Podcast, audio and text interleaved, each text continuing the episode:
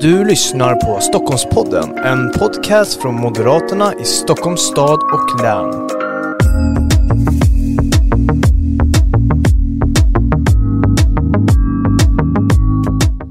Vad var framgångsrikt för Moderaterna i Stockholms kommunikation under valet? Vilka kanaler använder man sig av och varför?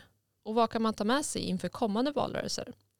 Vi fortsätter vår analys av valet och i det här avsnittet ska vi titta närmare på kommunikation och kampanj från Moderaterna. Jag heter Emily Taimi och jobbar för Moderaterna i Stockholms stad och län.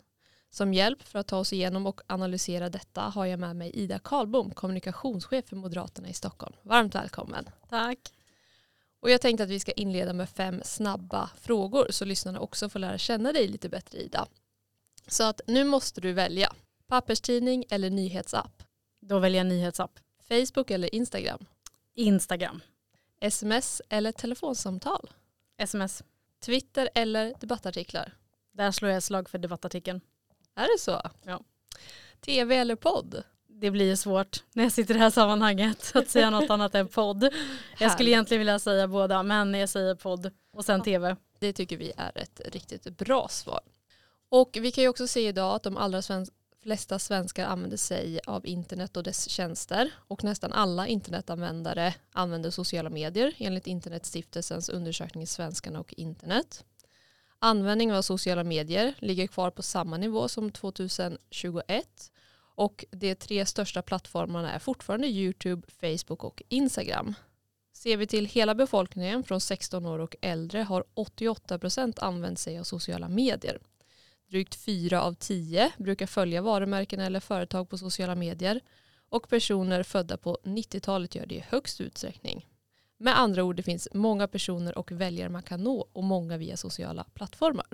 Så vad tror du att den digitala kommunikationen haft för betydelse för utfallet i valet? Jag tror att den har haft stor betydelse men jag tror inte att man varken ska överskatta eller underskatta digitala kanaler eller digital och sociala medier och sånt. Utan man ska nog tänka att det är en del av väldigt många andra bitar också i valrörelsen och den kommunikationen som man då riktar mot olika väljargrupper och då delvis i olika kanaler. Eh, men eh, vad jag förstår av olika väljaranalyser och sånt där efter valet så är det ju i alla fall en 30-40% minst som har eh, tagit del av partiernas kommunikation i valrörelsen via då just sociala medier. Eh, och därför så får man ju konstatera att det är en väldigt viktig kanal bland många andra. Väldigt viktig, många som tar del av det alltså. Men vilka kanaler använder Moderaterna för att kommunicera med väljarna? Vi använder ju väldigt många olika kanaler. Det är ju en jättebredd i valrörelsen. Så det handlar om allt ifrån väldigt traditionella gamla saker som att vi har eh, flygblad och sånt som vi delar ut. Vi har också satsat stort på dörrknackning där man har då det personliga mötet eh, med väljarna. Otroligt viktigt i en valrörelse som också handlar väldigt mycket om att eh, folk var osäkra. Det var ju väldigt stor andel väljare som var osäkra den här gången. Och då var det ju viktigt att kunna svara på frågor. Det gällde ju både lokal politik men, men också riks politik då i, i alla dessa val. Vi hade ju flera val, vi hade ju tre val per kommun så att säga i, i den här valrörelsen. Och sen hade vi många kommuner som jobbade i valet i Stockholms län. Så att, eh, det tror jag var otroligt viktigt. Men så var det ju också eh, jättekul att eh, kunna presentera den här digitala valstugan som vi hade. Som ju var helt ny kanal för oss och för alla andra för den delen. För att eh, den, det har ju inte funnits förut. Eh, och där kunde ju väljarna både ta del av vår politik men också chatta med oss i en livechatt. Men också ta del av lite underhållande moment så att det inte bara var jätteallvarligt och seriöst utan det var också lite roligt. Ja, jag tänkte komma in lite på den, eh, den idén när du lyfter personligt möte för det måste ju ändå liksom givit en bättre möjlighet för väljarna att få en bättre kontakt med eh, Moderaterna som parti och även Även om man kanske skulle föredra att ha det här personliga samtalet när man knackar på hos någon så är det ju inte alla som är hemma då utan eh, den digitala valstugan ger ju bättre förutsättningar för att nå ännu fler. Eller har jag fel? Precis, nej men det går ju inte att nå alla väljare via eh, dörrknack och det är inte heller alla väljare som vill prata med oss personligen. Det är jättemånga som tycker att det är jättebra med moderat politik i alla fall men du behöver inte komma hem till mig. Eh, så det är otroligt olika och där tror jag att man ska vara väldigt öppen för att olika väljare vill ha kontakt på olika sätt, olika väljare söker information på olika sätt och då måste man ha en bredd. Speciellt ett stort parti som Moderaterna måste ju då finnas både här och där. Så det är jätteviktigt att våra förtroendevalda och våra aktiva ute i alla föreningar har varit ute och funnits till hands så att säga för väljarna i valstugor, traditionella valstugor som har stått ute på gator och torg. Och det är jättemånga som tycker att det här är väldigt viktig kanal att man kan gå till var fjärde år kan man gå till en riktig valstuga och prata med sina lokala företrädare. Men det är också många som undviker. De allra flesta går ju inte till eh, vanliga valstugor utan de kanske söker på, på Google och tittar i partiprogram eller tittar på debatterna på tv för att då också slå ett slag för gammal media som vanliga tv-kanaler eh, och där de har då de här stora slutdebatterna. Och det är ju väldigt många väljare som sitter och tar, tar del av eh, argument och, och politiska förslag via de debatterna. Så att man ska verkligen inte utesluta någonting utan man ska snarare se liksom hela kartan här och att det är olika väljare som uppskattar olika saker. Eh, och därför måste man finnas eh, lite överallt och väldigt brett. Och det är roligt att man då både kan, kan finnas i form av då vår eh, starka eh, numera statsminister eh, i de här politiska debatterna på SVT och TV4. Eh, och för den delen även Expressen och Aftonbladet hade ju sådana debatter med, med ganska stora tittarsiffror eh, tror jag. Eh, och sen att vi finns eh, i vår digitala valstuga då, eh, som var ny för i år, men också att vi finns via traditionella flygblad och vanliga valstugor och vi även har ringt väljare och så vidare. Så att eh, det, vi har funnits på väldigt många olika ställen. Härligt. Ja, det är väl absolut det viktigaste egentligen när man pratar eh, kring val och personligt möte och nå väljarna. Men jag tänker lite kring dina funderingar. Vilka frågor var i fokus? Kunde man lyft någon fråga tydligare eller kompletterat ytterligare med någon politisk fråga tycker du i speciellt i slutstriden så blir det ju verkligen stort fokus på kanske vissa frågor eh, och andra faller bort. Jag tror att det är mm, dels vill man ju visa att man eh, har bra politik inom alla områden. Eh, men det står ju och konkurrerar med att man verkligen vill sticka ut också och verkligen göra genom, få genomslag i den nationella och lokala debatten för den delen. Men just i en valrörelse så är det också de nationella frågorna som ofta får väldigt stort utrymme. Och här måste man ändå säga att vi har lyckats väldigt bra, alltså gemensamt då får man väl säga, både Moderaterna på riksnivå men, men alla lokalavdelningar också, för där var det ju verkligen frågor om trygghet, Ehm, i form av de här gängskjutningar och sånt som, som är väldigt mycket på näthinnan hos många väljare. Även om man inte själv personligen är drabbad så, så är det ändå ett av Sveriges största samhällsproblem just nu. Och det eh, problemet fick ju väldigt stort utrymme i valrörelsen. Men också energipriserna fick väldigt stort eh, avtryck i, eh, i den eh, nationella valrörelsen och den tryckte vi på väldigt mycket också. För vi vet att det är en fråga som är viktig för väljarna även i Stockholmsområdet. Eh, I övrigt så ja, det, det är klart att lokala frågor på, eller egentligen på alla håll, både i Stockholms stad men också ute i, i kommunerna i Stockholms län, ja där, eh, där tror jag att de frågorna var, hade nog väldigt stor betydelse. De har alltid stor betydelse. Det är svårt för dem att bli väldigt stora på något annat håll än lokalt och där i Stockholm är det alltid svårt att eh, eh, kanske göra jättestort avtryck. Men där tror jag att vi försökte väldigt eh, mycket mer att eh, visa vad vi vill lokalt i de olika stadsdelarna i Stockholms stad.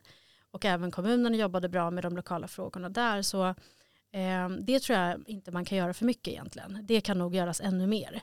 För att det är ändå det som är det viktiga för människor när man, när man går till valurnorna. Att liksom, hur fungerar min vardag? Hur sköts den här kommunen? Eh, är jag nöjd med eh, den kommunala servicen? Vad kan göras bättre och så vidare. Eh, det kan man nog bli ännu tydligare med. Men, men i, i riksperspektivet så tror, tror jag verkligen att vi fick fram våra budskap där. Vi fick ju också med fastighetsskatten.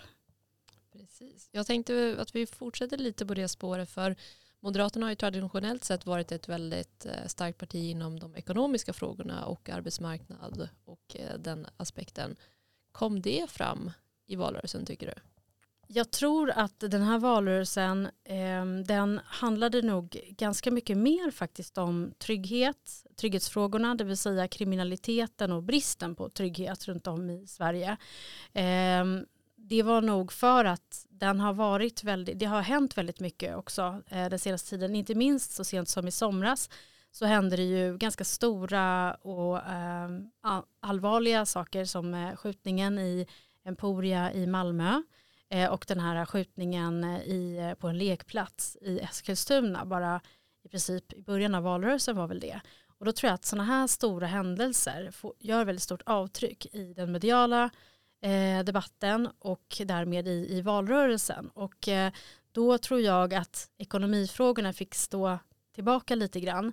Eh, hade valrörelsen varit nu när vi har ett ännu tuffare ränteläge, det börjar kanske bli, ja, vi börjar komma in mot en lågkonjunktur och så vidare, då hade kanske de ekonomiska frågorna seglat upp och varit ännu större.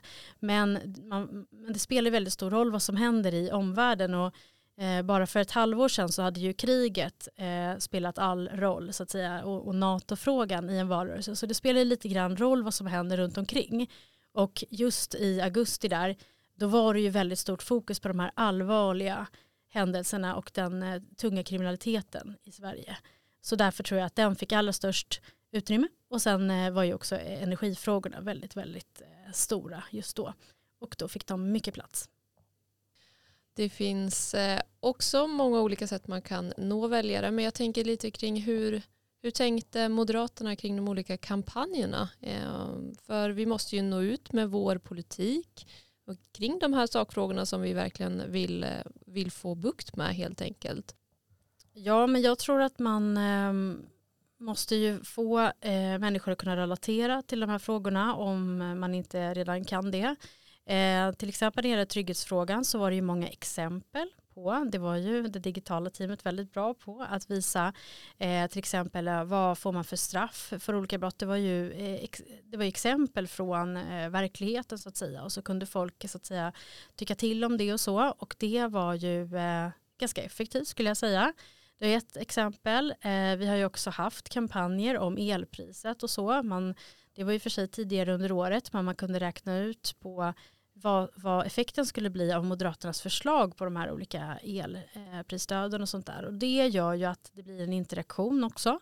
Med man får så att säga eh, ta del av vad det skulle betyda för eh, egen del och då blir det så att säga mer relevant också.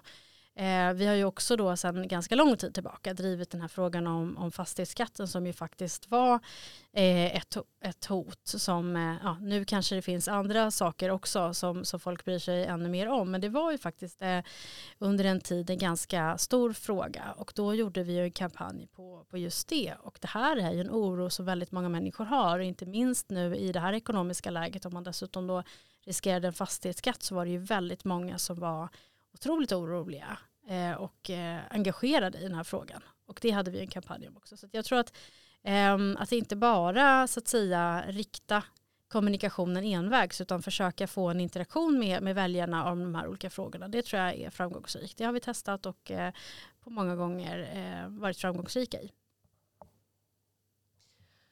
Vi kan ju också se att användningen av sociala medier inte ökar Eh, och inte heller minskar. De ligger kvar på samma nivå sedan 2021. Hur tror du att det kommer spela i kommande val? Har vi liksom nått vår peak när det kommer till sociala medier? Kommer betydelsen att öka eller att minska? Hur går dina tankar där?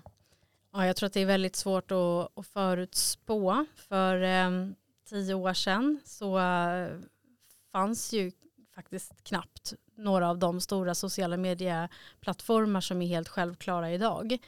Eh, vi visste väl inte att eh, Instagram då till exempel skulle vara så avgörande för, för väldigt många, eh, inte bara partier utan eh, ja, företag överhuvudtaget. Så. Utan det är väldigt svårt att veta vad det är som gäller om tio år så jag tror att man, man måste alltid vara vara öppen för eh, nya kanaler till, till väljarna. Eh, den här eh, valrörelsen så var ju TikTok till exempel ganska så, så viktigt i de yngre eh, åldersgrupperna i alla fall. Eh, så jag tror att man måste tänka lite grann på vad, vilka når jag i vilka kanaler. Facebook trodde vi kanske skulle vara jätteviktigt för alla väljare bara för några år sedan. Men nu märker vi att det är inte alla väljare som, som använder Facebook på det sättet dagligen utan det är ju då vissa grupper som använder det och vissa grupper ska man nå på helt andra sätt. Så jag tror att man måste vara fortsatt öppen för att se hur sociala medier utvecklas och att man då kanske måste differentiera mer att vissa sociala mediekanaler ska användas mot vissa väljargrupper och andra mot andra. Hur tycker du det gick det här valet? Hade man kunnat differentiera ännu mer eller är det en lärdom man får ta från den här valrörelsen? Ja, jag tror att man säkert hade kunnat eh, anpassa tonaliteten ännu mer eh, faktiskt. Eh, vi testade ju TikTok den här valrörelsen. Det var ju en del väldigt framgångsrika inlägg där.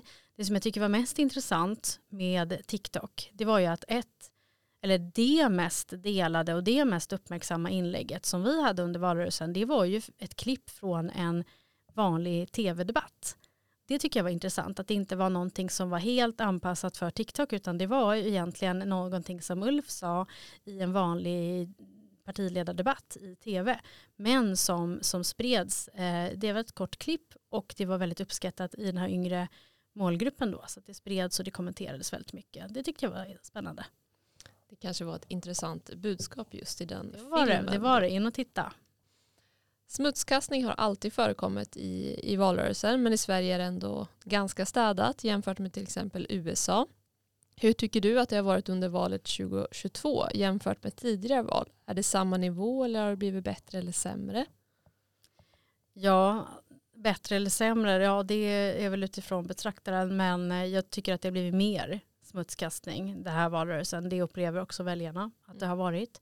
Jag tror inte att det uppfattas som någonting positivt av väljarna utan snarare negativt. Jag tror att man hade uppskattat mer av saklig eh, eller då för övrigt kanske humoristiska eh, budskap om vad man själv vill driva och inte så mycket av vad alla andra eh, vill driva och vad man tycker om det så att säga. Eller vad man påstår att andra vill göra. Så att jag tycker till exempel att eh, ja, det var ganska eh, hård kampanj från, eh, eller var väldigt hård kampanj från LO eh, den här valrörelsen om eh, riktat mot vår statsministerkandidat.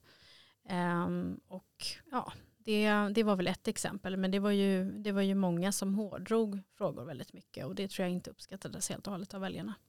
Blir det lätt att man dras med när, när det här tåget börjar gå så att säga? Eh, det blir ju väldigt eh, hård tonalitet lätt i debatter och det är klart att eh, drar man en fråga väldigt kort så kan det ju ge till fördel till en eh, kontra den andra till exempel.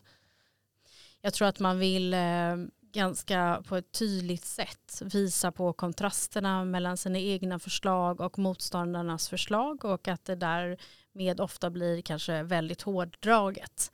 Eh, och att det då man då anklagas för att ljuga och, och man anklagar tillbaka att ljuga och så vidare. Det där tror jag blir en tråkig smutskastning eller pajkastning eh, som inte väljarna uppskattar. Så jag, jag tror att eh, valrörelserna mår bra av att ju mer man fokuserar på sina egna förslag faktiskt, desto bättre.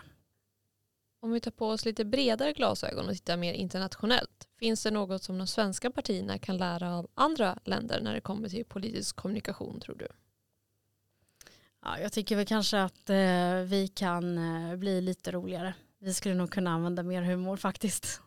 Tror du att det skulle gå hem i, i Sverige också? Ja, jag, tycker alla, jag tror alla skulle må bra av det. Lite mindre bara allvarliga budskap.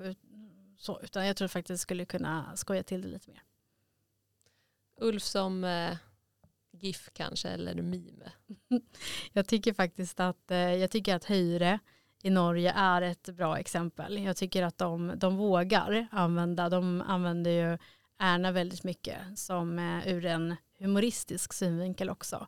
Med lite självdistans, lite humor, lite roliga sådär trevlig helg, fredagshälsningar och sånt där. Det, det tycker jag kanske att vi skulle kunna ta till oss lite mer av, även i Sverige. Vi hade ju några sådana inslag med Ulf som eh, chipspåse och andra merge. Men det är kanske någonting man får utveckla ännu mer helt enkelt till kommande val. För som sagt det verkar vara väldigt uppskattat i alla fall i Norge eh, av den analysen vi kan dra. Ulf chips är ju jättebra. Det är mer Ulf chips tror jag. Härligt. Finns det någonting som vi kan lära av varandra i Sverige? Ja, nej men det finns det säkert. Jag, eh, om jag ska komma på något exempel som jag tyckte var väldigt trevligt. Det var väl Liberalernas eh, kampanj med, med Johan Persson. Dels tyckte jag de hade en smart kampanj i våras när han eh, tillträdde. Mm. Med då för att liksom visa vem Johan är. och de hade också en trevlig reklamkampanj i valrörelsen. Jag tänker på Johan i skolbänken där bland barnen. Det tycker jag är ett, ett väldigt bra exempel mm. på god kommunikation, god politisk kommunikation för att det har lite glimten i ögat men det var också i en miljö bland barn, det är självdistans och det visar också på vilken prioriterad fråga som Liberalerna hade, det vill säga skolfrågan. Mm. Eh, så det tycker jag var ett bra exempel. Men ser man till mer traditionella medier, de har ju fortfarande högt förtroende, till exempel eh, om man jämför med sociala medier. Samtidigt som allt fler får sina politiska, en politisk information på sociala medier. Vad innebär den här motsättningen? Vad kan det innebära för det politiska samtalet? Jag tror inte att vi ska vara så oroliga för det utan jag tror att de traditionella medierna de vet ju det här lika väl som alla andra så att de börjar ju ta sig in så att säga i sociala medier och har sina nyhetssändningar där också. Till exempel så finns ju Expressen och Aftonbladet på TikTok och Instagram och sådär. Så att eh, jag tror nog att eh, man kommer plocka upp, och även Sveriges Radio, eh, mm. P, P3 och så vidare finns ju med sina program också i, eh, i de här apparna, i de här sociala medieapparna. Så jag tror inte att man ska vara så orolig för det utan de kommer att eh, möta det där också. Och förhoppningsvis då bli eh, ja, så att säga mediekonsumenter så det är ju egentligen framförallt eh, publicisternas så att säga, fråga. Men jag tror inte att det är ett problem. Men vi har ju också eh, en del influencers och youtubers och streamers som många unga följer. En tredjedel av alla internetanvändare eh, följer dessa. Vad tror du deras betydelse av utspel kan betyda? Speciellt kanske i slutet av en valrörelse. Jag tror att det kan ha ganska stor betydelse. De, de är förebilder. Eh, många eh, tror jag kanske inte tar alltid så rationella beslut som vi tror att, att man gör eller förutsätter i, i en valrörelse. Utan många går ganska mycket på vad, eh, and, inte vad andra säger, men man, man tar absolut intryck i vad andra tycker om saker och ting. Eh, och man kanske inte fördjupar sig jättemycket i alla frågor, precis alla frågor. Och då tror jag att man tar intryck. Så att man har ett stort ansvar också som eh, som förebild, eh, som eh, influencer eller ja, ehm, podd eh, aktör eller vad man nu är. Så det tror jag man ska ha med sig, att man spelar stor roll. Men sen ska, så tror jag inte att vi ska överskatta betydelsen av det heller. För människor har också så att säga en egen eh, så att säga, känsla och vilja och, och förmåga att sätta sig in i saker och ting själva. Så det är inte så att man blint går på vad andra säger. Men jag tror att man påverkas. Och att det också förs in i diskussionen man har med andra. Att den sa si och så. Och vad tycker du om det? Eller stämmer det? Och så vidare. Och så förhåller man sig till det helt enkelt. Men om vi ska titta lite framåt, jag tänker att vi ska avsluta med två stycken frågor som är lite mer eh, framåtblickande. Eh, vad hade du gjort annorlunda i din kommunikationsstrategi om det skulle varit val nästa år? Ja, men då tror jag nog att eh, om man ska hålla fast vid någonting så tror jag nog att vi, vi skulle hålla fast vid att vi skulle vara väldigt breda med alla de här olika möjligheterna att möta Moderaterna som vi har haft. Alltifrån väldigt traditionella kanaler som valstugor och eh, annonser och sånt där till, eh, till digitala valstugan skulle vi absolut fräscha upp igen och lansera på nytt för att möta väljarna där. Men eh, det vi skulle göra tror jag att vi skulle vara ännu tydligare med vad vi vill eh, lokalt runt om i eh, hela Stockholms stad och län. Du sa ju tidigare om att det, det är svårt att säga hur det ser ut i, i framtida val men jag vill ändå att du funderar lite extra kring det. Eh, vilka frågor tror du kommer vara aktuella vid nästa val och hur kommer kommunikationen behöva utformas då? Jag tror att de frågorna som kommer vara aktuella är de frågorna som är allra närmast människor och som betyder mest. Det vill säga det här valet så har det varit lite grann, det var någon som uttryckte det, någon politisk kommentator som uttryckte det som att man har eh, gått ner lite i Maslows behovstrappa eh, där. Alltså folk var oroliga för den eh, växande kriminaliteten, för otryggheten Och då har man fokuserat väldigt mycket på det snarare än att man har fokuserat på kanske andra frågor som också är viktiga när det handlar om en eh, viss eh, skatt eller möjligheten att eh, Eh, välja vårdcentral eller inte, sådana saker. Utan jag tror att väldigt många har, har oroat sig för eh, ökade eh, el och bränslepriser men många har också varit oroliga för att kunna släppa sina barn själva när det har blivit mörkt eller kanske inte ens då. Um, och då har man tyckt att den här trygghetsfrågan, skjutningarna runt om i Sverige har varit väldigt viktiga. Uh, och jag tror att det är det som kommer styra framtida valfrågor också. Det vill säga uh, vad ligger närmast människor, vad oroar människor? Det kommer vi alltid behöva ha svar på. Och den som är bäst på att kommunicera det också. Mm. Ha, dels ha, ha svaren på väljarnas frågor men också lyckas förmedla dem. de kommer att ha framgångsrika valrörelser. Tror du vikten av att vara ännu mer synlig på sociala medier kommer vara avgörande eller är det den här kombinationen som du har nämnt tidigare? Jag slår ett slag för kombinationen. Det kommer inte räcka med att bara vara eh, aktiv på sociala medier eller för den delen eh, förmedla de frågorna som är relevanta där utan det kommer vara en del av helheten i en valrörelse. Så det kommer knacka dörr nästa valrörelse också? Det kommer knacka dörr det kommer det. det tycker jag var ett härligt avslut på det här avsnittet. Jag tackar dig Ida för att du har kommit hit idag eh, och eh, kom ihåg att prenumerera på podden och eh, slå på notiser så att ni ser när vi lägger ut avsnitt.